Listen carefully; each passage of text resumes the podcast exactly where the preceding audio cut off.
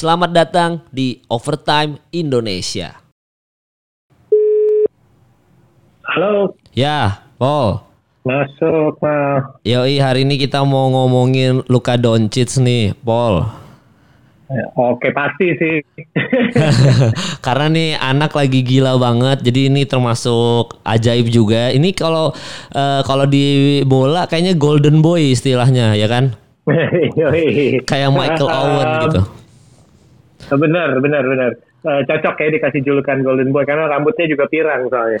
Eh, Iya, bener. Ini nggak nggak salah kita sebenarnya eh, kalau nggak salah terakhir kita ngobrol kita emang bahas tentang eh, Luka Doncic dan kita sempat bilang bahwa so far ya ini adalah seri yang paling seru dari first round Mm-mm. dari East ataupun di West dan bener kan tidak mengecewakan dan sebelumnya kita udah lihat bahwa Dallas waktu itu gue bilang mereka kehilangan kesempatan emas nih nggak eh, sempat leading jauh di game pertama terus malah eh, ke- apa malah dibiarkan Clippers comeback terus eh, KP apa Porzingis kena ejection dengan Mm-mm. bad call dari wasit plus ada cederanya ankle ini ya untuk pemain yang baru nyicipin playoff pertama kali di umurnya dia dan dengan obstacle segitu banyak Hmm. luar biasa loh malah dia bisa dia masih bisa nyamain kedudukan serinya saat ini kita ngobrol udah dua-dua nih ya lawan Hmm. tim yang bisa dibilang eh, calon juara lah salah satu calon juara Iya. banget sih Defense-nya kan maksudnya secara Clippers kan dia waktu di interview dia bilang maksudnya gue nih ngelawan tim yang secara defense ini terbaik di NBA loh buat sekarang maksudnya walaupun dia ti- tim terbaik di West mungkin dia secara defense juga bukan tim terbaik tapi secara defense nih mereka lengkap gitu. Dia sempet itu ngelawan dia Iya dia sempat ngelawan Dallas Maverick itu pakai small ball loh. Ini si Clippers Doc Rivers nih kayak yaudah pemain kecil aja nih masuk semua gitu kan. Iya, dan di situ di mana bisa dimanfaatin sama Porzingis dengan size-nya juga kan, Eh, dan dia dia juga sangat fleksibel kan di mainan maininnya di mana. Tapi yang yang gue lihat Clippers itu cocok untuk menjaga misalnya eh, wing wing defender mereka tuh banyak. Masalahnya Doncic ini sedikit kayak bunglon, dia nggak nggak nggak hanya main sebagai wing player gitu atau shooter atau apa, justru dia dia handle bola bisa, post up bisa kalau dijaga sama yang lebih kecil sama dia di post up aja gitu. Se- se- Seperti, se- seperti LeBron lah, sedikit ada bayangan-bayangan LeBronnya gitu. Jadi dia pinter banget kalau di double team bisa passing, shootingnya juga udah bagus. Jadi Clippers sekarang masih eh, cari-cari caranya dan gue ngerasa eh, Clippers emang nggak underestimate eh, eh, Dallas sama sekali ya. Hmm. Tapi untuk Dallas di umurnya mereka, di mana mereka tidak banyak pengalaman di playoff, bisa uh, overcome. Ibaratnya tuh ini, kalau kita ngomongin nggak ada pandemi ini, mereka balik ke Dallas, mereka bisa harus bisa menang di Dallas dan mereka melakukan tugasnya gitu. Iya iya dan yang pertandingan terakhir tuh seru banget karena ter- eh, kan Porzingis cedera tuh yang terakhir tuh pertandingan yang dua sama ini Paul. Jadi ada satu Ya. momen di mana akhirnya Doc Rivers masukin semua pemain kecil kayak Reggie, eh, Reggie Jackson terus habis itu Kawhi Leonard, Paul George, Lou Will sama yang senternya cuma si Morris, Markif atau Marcus sih kalau yang di Clippers tuh. Di Marcus kalau yang di Marcus yang, di- ah. uh, yang di Clippers, Ya, si- yang di Lakers. Iya Markif ya. Oh ya benar Markif yang di Lakers, eh, Marcus yang di Clippers ya. Yes. Nah, jadi mereka lima, lima pemain kecil semua dan waktu itu pas eh, di game terakhir itu sempat di mana kan Morris tuh ditugaskan sama Doc Rivers untuk menjaga Luka Doncic sekeras-kerasnya, ya kan? Benar, yes. Nah, sampai akhirnya akhirnya switch kan Kawhi Leonard yang jaga gitu Paul. Nah, begitu Kawhi Leonard yang jaga, itu memang memang akhirnya uh, field goalnya berkurang ya. Cuma memang akhirnya strateginya Doc Rivers kayak kayaknya nih anak gak bisa deh kita sembarangin. Kita kasih deh defender terbaik kita Kawhi Leonard suruh jaga deh. Akhirnya Kawhi Leonard yang jaga gitu loh. dan itu mungkin strategi yang terbaik ya untuk Clippers saat ini Eh, ya udah kita dengan best offensive best defensive player kita dicocokin sama best offensive player mereka. Nah kita lihat Luka Doncic kan banyak banget megang bola nih. Mm-mm. Apakah ini akan backfire ke ke Doc, Doc Rivers karena uh, Kawhi Leonard-nya harus kerja keras untuk main defense segitu untuk segitu banyak menit apakah itu akan impact ke offense-nya karena kita tahu Paul George sedang tidak perform dan Kawhi Leonard offense-nya sangat dibutuhkan. Karena kita lihat uh, Kawhi Leonard harus scoring dengan poin tinggi karena kita belum lihat nih playoff fee-nya muncul atau mungkin ini playoff fee-nya nggak tahu deh. Iya mungkin ya. Tapi emang Paul George bapuk banget sih. Justru Lou Will yang menyelamatkan Clippers tuh Lou Will sih. Tapi itu kan wajar, maksudnya Lou Williams emang oke selalu akan begitu gitu dia emang instant dia point machine gitu, yang di mana uh, uh, semua main sesuai ekspektasi deh selainnya Paul George buat gue ya di Clippers. Iya iya benar-benar maksudnya kecuali uh, di game terakhir dia kalau masukin free throw terakhir kayaknya Clippers yang menang tuh waktu sebelum overtime. Sayangnya hmm. free throw-nya dia gagal. Makanya kadang-kadang tuh free throw itu sepele. Cuma kalau di saat-saat yang penting penting banget boleh ya ternyata gitu. Iya sih, benar banget sih. Iya, pressure-nya itu luar biasa sih kalau di akhir pertandingan. Bener. Dan ini pas kita rekaman besok kan mereka kayaknya main lagi deh. Menurut lu uh, yeah. Dallas Maverick ini akan sejauh mana sih Paul? Apakah dia akan jangan-jangan uh, lolos first round gitu atau menurut lu nggak Clippers tetap unggul di mana-mana gitu?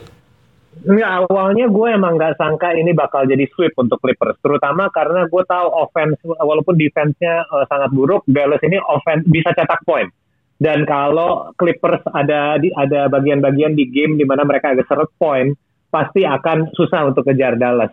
Masalahnya tim yang offense only, offense wins games, defense wins championship. Lo udah tahu kata-kata itu kan. Jadi mm -hmm. uh, menurut gue mereka uh, akan bisa colong beberapa game dari Clippers. Gue sih awalnya mikir prediksi uh, sekitar 6 game untuk selesaikan seri ini untuk Clippers. Tapi sekarang gue lihat kayak gini, ini bisa jadi uh, ke game 7 sih. Tapi tetap mm. gue megang Clippers. Cuman wah gila sih fight-nya dari dari Dallas tuh seru banget. Ini ini menurut gue seri yang so far yang paling menarik di ronde pertama. Iya bener banget. Nah kita kan kalau ngomongin Luka Doncic kan kemarin-kemarin tuh selalu kelebihannya Paul. Maksudnya, lu hmm. kalau hmm. kalau lu selama memantau Luka Doncic ini selama playoff ini, lu nyadar ada kekurangannya Luka Doncic nggak sih Paul? Kalau menurut gue ya kekurangannya adalah ego sih masih ya. Karena kan dia masih muda terus karena ini tim juga tim muda juga semuanya. Jadi dia memang dominan megang bola dan dia nge-shoot nge-shoot nge-shoot terus untungnya lagi wangi. Kalau menurut lu ada kelemahan nggak sih di Luka Doncic ini gitu? Ada sedikit kelemahan dari attitude dia terhadap uh, cara dia dimainin saat dia dijaga uh, di, uh, sama defender yang bagus ya. Mm -hmm. Dalam arti Clippers ini kita ngomong sempat terakhir kali kita ngobrol. Luka Doncic ini dikasarin kan. Kita lihat kali tiap kali dia megang bola dia mau ngedrive di foulnya foul hard.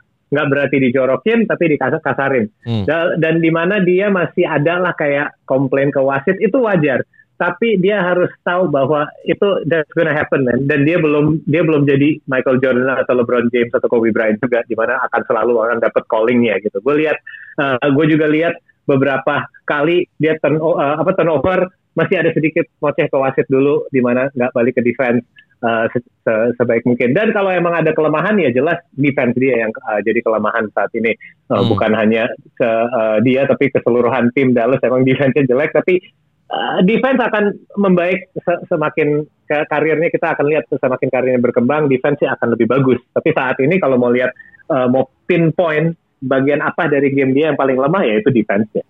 Dan ini sih maksudnya kan dia diforsir banget ya. Kalaupun dia lolos first round pun kayaknya akan ada momen di mana akhirnya dia cedera dan nggak main lagi di playoff gitu. Karena so, diforsir segitu forsirnya gitu sama sama Dallas gitu nggak nggak apa-apa sih soalnya Dallas emang offense-nya itu running through ke Doncic. Mau gimana lagi gitu yeah. ibaratnya gitu. Plus akhir uh, kalau lo udah di, selesai di ronde pertama ini lo nggak main lagi sampai nggak tahu kapan tahun 2021 akan mulai musimnya. Jadi nah, emang mending dihabisin aja sih menurut gue. Nggak apa-apa dari sisi itu sih. Uh, lo do or die lah ibaratnya kan Uh, uh, jadi ya udahlah ya maksudnya ini juga ya ketemunya langsung Clippers gitu aja kayaknya udah kita lolos di sini aja udah bersyukur gitu kali ya. ya tapi jangan jangan salah ya malu lihat ya Dallas ini sebagai seat ketujuh ranking ketujuh. Uh, uh. Lu kebayang gak sih ranking ketujuh sebagus ini gitu timnya? Kan agak agak apa ya agak sedikit uh, ini juga kan misleading gitu uh, ranking seat nomor tujuh tapi kalau lu lihat Dallas sebagai satu tim, ya mereka nggak pantas lah di, di, di dipanggil uh, seat ketujuh misalnya dibandingkan di timur uh, seat ketujuh itu Brooklyn Nets ya harus ketemu Raptors di sweep lagi. Hmm. Kan maksudnya hmm. nggak sebanding lah. Ini seat ketujuh di West luar biasa sih jago banget sih. Iya makanya jadi emang West aja di ketujuhnya aja segitu ke delapannya aja Portland Trail Blazer gitu kan. asli, asli, iya walaupun walaupun Portland gue agak kecewa sedikit beberapa game terakhir ini ya. Uh, eh, gue nggak tahu ya Paul maksudnya kenapa apalagi yang di game yang hari ini tadi kita tonton dia melempem banget kayak Damian Lillard cuma 11 poin gitu. Maksud gue apakah ini karena ada tribute to Kobe Bryant jadi mereka nggak enakan main gitu Paul? Bukan sih mal menurut gue ini mereka ada sedikit udah ketemu plateaunya gitu dalam arti ini untuk Portland Trail Blazers khusus ya uh. dan uh, uh, karena mereka lolos ke playoff playoff ini udah mulai saat uh, bubble games ini mulai ini artinya every game setelah mereka kalah kekalahan terakhir di seeding games yang 8 game mereka harus main, mm -hmm. mereka kan harus menang tuh. Kalau nggak menang, nggak akan dapat kesempatan untuk kejar seed nomor 8 ini. Dan beberapa game terakhir itu kayak kayak game 7 untuk mereka. Jadi ibaratnya kalau lo ambil Portland Trail Blazers, mental mereka, mereka tuh udah diuji dari jauh sebelum playoff ini mulai. Buat hmm. mereka playoff ini udah mulai, untuk mereka bisa masuk playoff pun mereka harus kayak udah main satu ronde sebelumnya. Ngerti gak sih kayak hmm. uh, lawan untuk mengejar Memphis untuk seed ke-8, terus main di play-in game lagi lawan Memphis untuk bisa ngalahin Memphis untuk punya kesempatan lawan Lakers. Jadi yeah. buat Lakers sih baru petantang petenteng masuk ke playoff, sih santai-santai aja gitu. Jadi makanya lo lihat Lakers kayak game pertama ke drop gitu kan kok kok kok mereka mainnya jelek banget. Ya mereka baru mau ngegas. Di mana ah. Portland udah nge, udah nge, Portland udah ngegas dari berapa game yang lalu gitu 5 6 game yang lalu mereka ngejar-ngejar untuk masuk ke playoff. Mati-matian Damian Lillard mainnya habis-habisan. Nah ini sekarang lo lihat sedikit fatik nih dari mereka karena di mana yang lain baru mulai ngegas gas mereka udah digas terus dari dari dua minggu sebelumnya itu maksud gue. Jadinya lo lihat ada sedikit pasti lihat Damon Lillard lututnya udah udah kena nggak hmm. nggak bisa dilanjutin lagi nggak ada nggak percuma juga dilanjutin ke ketinggalan kejauhan. Tapi lo udah lihat lah pemain-pemainnya kayak fatigue ya? Kok, kok lo capek banget lo padahal ini round pertama lo belum sampai game 7 gitu. Ya itu karena mereka tuh udah mati-matian banget. Di mana kalau Lakers di game-game terakhir santai-santai aja kan. Ini udah bentar lagi masuk playoff nih udah kita sih udah santai udah clean uh, number one spot Iya, jadi gitu. kemenangan pertama itu emang karena Lakers kaget aja karena euforianya Portland kan masih euforia menang gitu loh. Jadi kayak dan udah nge udah ngecun kan ibaratnya udah udah wangi, udah bagus nih kita lagi lagi cruising banget nih. Tapi cruising itu mau berapa lama? Kalau lo tiba-tiba ketemunya Lakers, lo ketemu Memphis beda lagi, ketemu Phoenix. Tapi sekarang lo ketemunya Lakers seri lagi, hmm. bukan kayak satu game satu game doang. Jadi menurut gue yang gue lihat ya, lo lihat aja ekspresinya Nurkic setiap berapa setiap berapa menit dia kayak pegangan celananya banget kayak sambil nunduk kayak yeah. kelihatan lah mereka tuh capek banget dan wajar gitu karena mereka tuh mainnya tuh udah di level tinggi sebelum playoff mulai. uh, jadi udah uh, fatigue banget ya udah kelihatan ya kayak ah capek nih main Portland nih. Iya. Yeah. Iya, iya. Ibaratnya ini udah kayak udah sek, udah second round atau third round buat mereka sih. iya benar banget. Nah dari semua pertandingan Paul tadi kita udah udah prediksi Clippers sama da Dallas Mavericks terus kita juga ngomongin Lakers yang kayaknya menurut gue Lakers bakal lolos dengan mudah ya. Kayaknya abis ini 4-1 deh. Kayaknya ya. Uh, apa ada perlawanan? Ya, dan gue harus lihat dulu apa yang terjadi sama lututnya Damian Lillard ya karena yang sedikit ngeri tidak ada benturan keras atau apa pun emang tiba-tiba jadi jadi apa ya jadi kayak nggak stabil aja. Gue nggak tahu dulu eh, masalahnya apa dan belum gue belum sempat baca uh, lagi uh, apa laporan resminya ada masalah apa dengan lututnya. Mm -mm, jadi ya mungkin tergantung Damian Lillard. Kalau Clippers Dallas kayaknya nyampe kali seven game series kayaknya seven games nyampe lah ya bisa dipush sih kalau kalau Doncic mainnya kayak gini terus dan dan uh, Dallas lagi ya terus terusannya ya offense-nya digas terus. Iya ini offense ketemu offense sih kalau yang pertandingan terakhir ya game keempat tuh udah masuk uh. poin, masuk lagi poin, masuk lagi poin, udah gitu-gitu terus sampai overtime.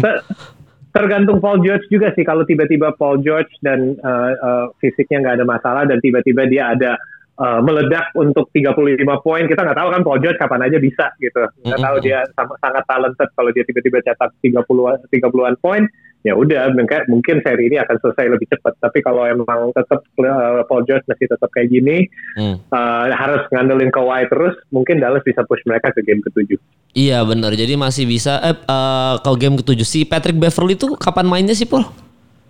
Eh, gak, uh, kayaknya ronde pertama Nggak. belum main deh. Iya kayaknya ya, kayak belum belum ada belum ada laporan dari Clippers sendiri kapan dia akan bisa main.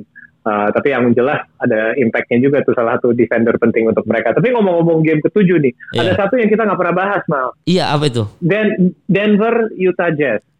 yang Lu lihat ingat ingat musim lalu musim lalu. Tiap seri yang paling males kita nonton, tapi seri yang selalu ke push ke game ketujuh itu serinya Nuggets.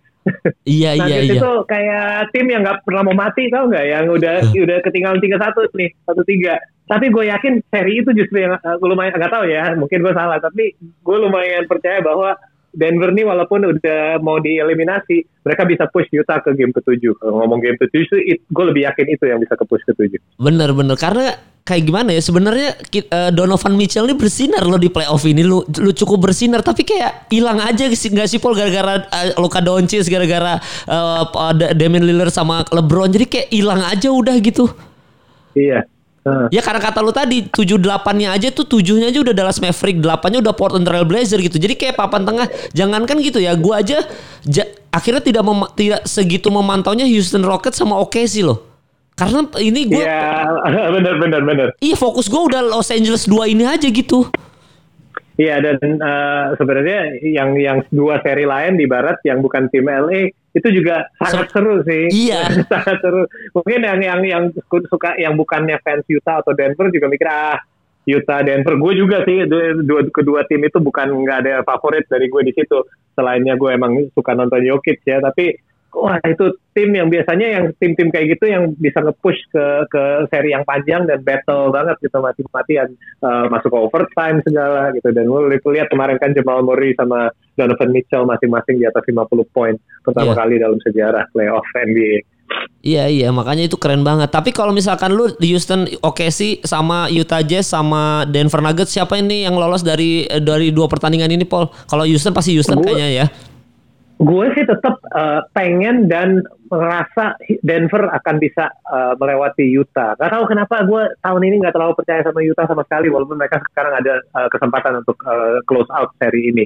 Um, gue lihat Jokic hmm. dengan uh, Jamal Murray-nya, Jamal Murray asal main bagus, Denver kesempatan kesempatannya besar untuk menang. Um, kalau dari uh, Houston sama uh, OKC. Houston sama OKC, aduh ini bener-bener toss up sih buat gue susah. Gue sangat uh, setelah nggak ada Russell Westbrook, gue ngerasa uh, Houston sayang banget men kayak hmm. ya akhirnya dapat partner yang cocok nih menurut gue cocok ya hmm. dibandingkan Chris Paul gitu Westbrook sama dengan mereka eksperimen dengan line up yang sangat kecil tapi main defense-nya galak gitu sangar tapi hmm. ya sekarang lo nggak ada Westbrook di mana kalau ada Westbrook seru banget lagi ketemu OKC gitu kan tim hmm. lamanya dan uh, kalau gue prediksi uh, kayaknya yang aman sih Houston ya tetap. Mm -mm, karena James Harden tetap kenapa, gila. Man. Iya, mudah-mudahan Iril nggak dengerin ini.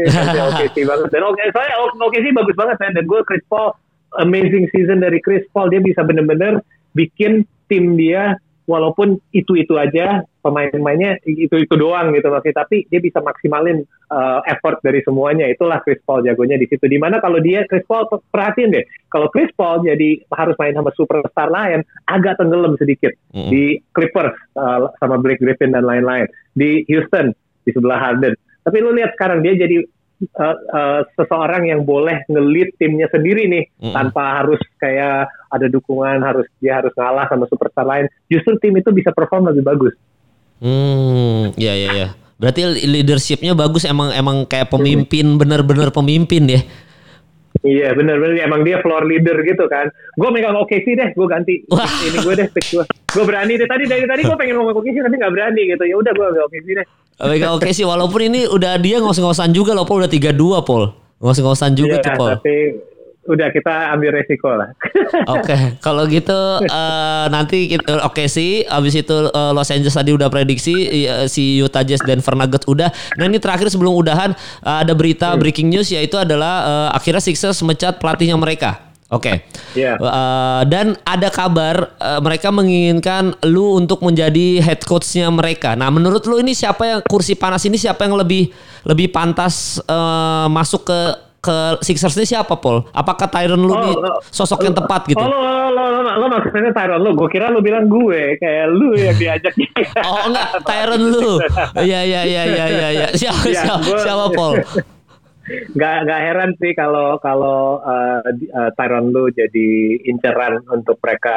Uh, salah satu nama yang muncul juga Jason Kidd ya kalau nggak salah yeah. uh, sebagai kandidat Um, tapi jelas kita udah uh, terutama kita udah obrolin ini terakhir kita ngobrol uh, Brad Brown kira-kira pecat ya kalau gue bilang kalau di sweep sih iya itu benar-benar terjadi gitu ya emang mereka di sweep jadi pecat tapi ini kita harus balik lagi ke ke ke masalah awalnya root problemnya tuh apa akarnya nih soalnya uh, dari dari eranya Sam Hinkie pas proses ini jalan Mm-hmm. Jadi sebenarnya masa depan mereka tuh cerah banget loh. Ada udah ada dua bintang yang yang potensi masuk Hall of Fame dua-duanya dengan Ben Simmons, Joel Embiid. Mereka punya draft pick banyak.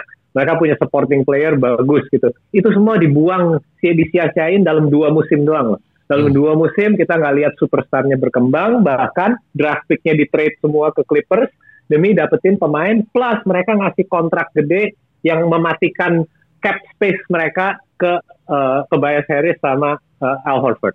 Itu Tobias Harris bisa bilang salah satu kontrak terburuk saat ini di NBA terburuk karena membebankan mm-hmm. organizationnya ya. Jadi lo mau pecat pelatihnya, tapi tolong dilihat juga yang lain. Apakah Elton Brand seseorang yang cocok untuk megang front office-nya atau mungkin banyak perubahan lain yang harus terjadi juga. Jadi uh, soalnya setelah Sam Hinkie resign, gue lihat penurunannya drastis. Di mana uh, Brad Brown itu emang nggak cocok jadi pelatihnya uh, dua bintang ini. Brad Brown ini hmm. cocok untuk melatih saat mereka harus ngalah kalah game. Kenapa? Karena dia emang orangnya uh, uh, bagus menye menyemangati pemain-pemainnya walaupun mereka lagi kalah. Dia nggak suka confrontation. Uh, dia nggak usah nggak suka konflik gitu lawan pemain. Bahkan waktu uh, dia mengkritik Ben Simmons tentang Ben Simmons nggak nembak three point, Hmm. Dia mau ngomong pengen uh, Ben Simmons nembak three point, tapi nggak ngomong langsung ke Ben Simmons, ngomongnya melalui media di mana Ben Simmons jadi tersinggung kayak lo nggak ngomong langsung ke gue lo ngomongnya lewat media malah Ben Simmonsnya tambah nggak mau nembak three point gitu.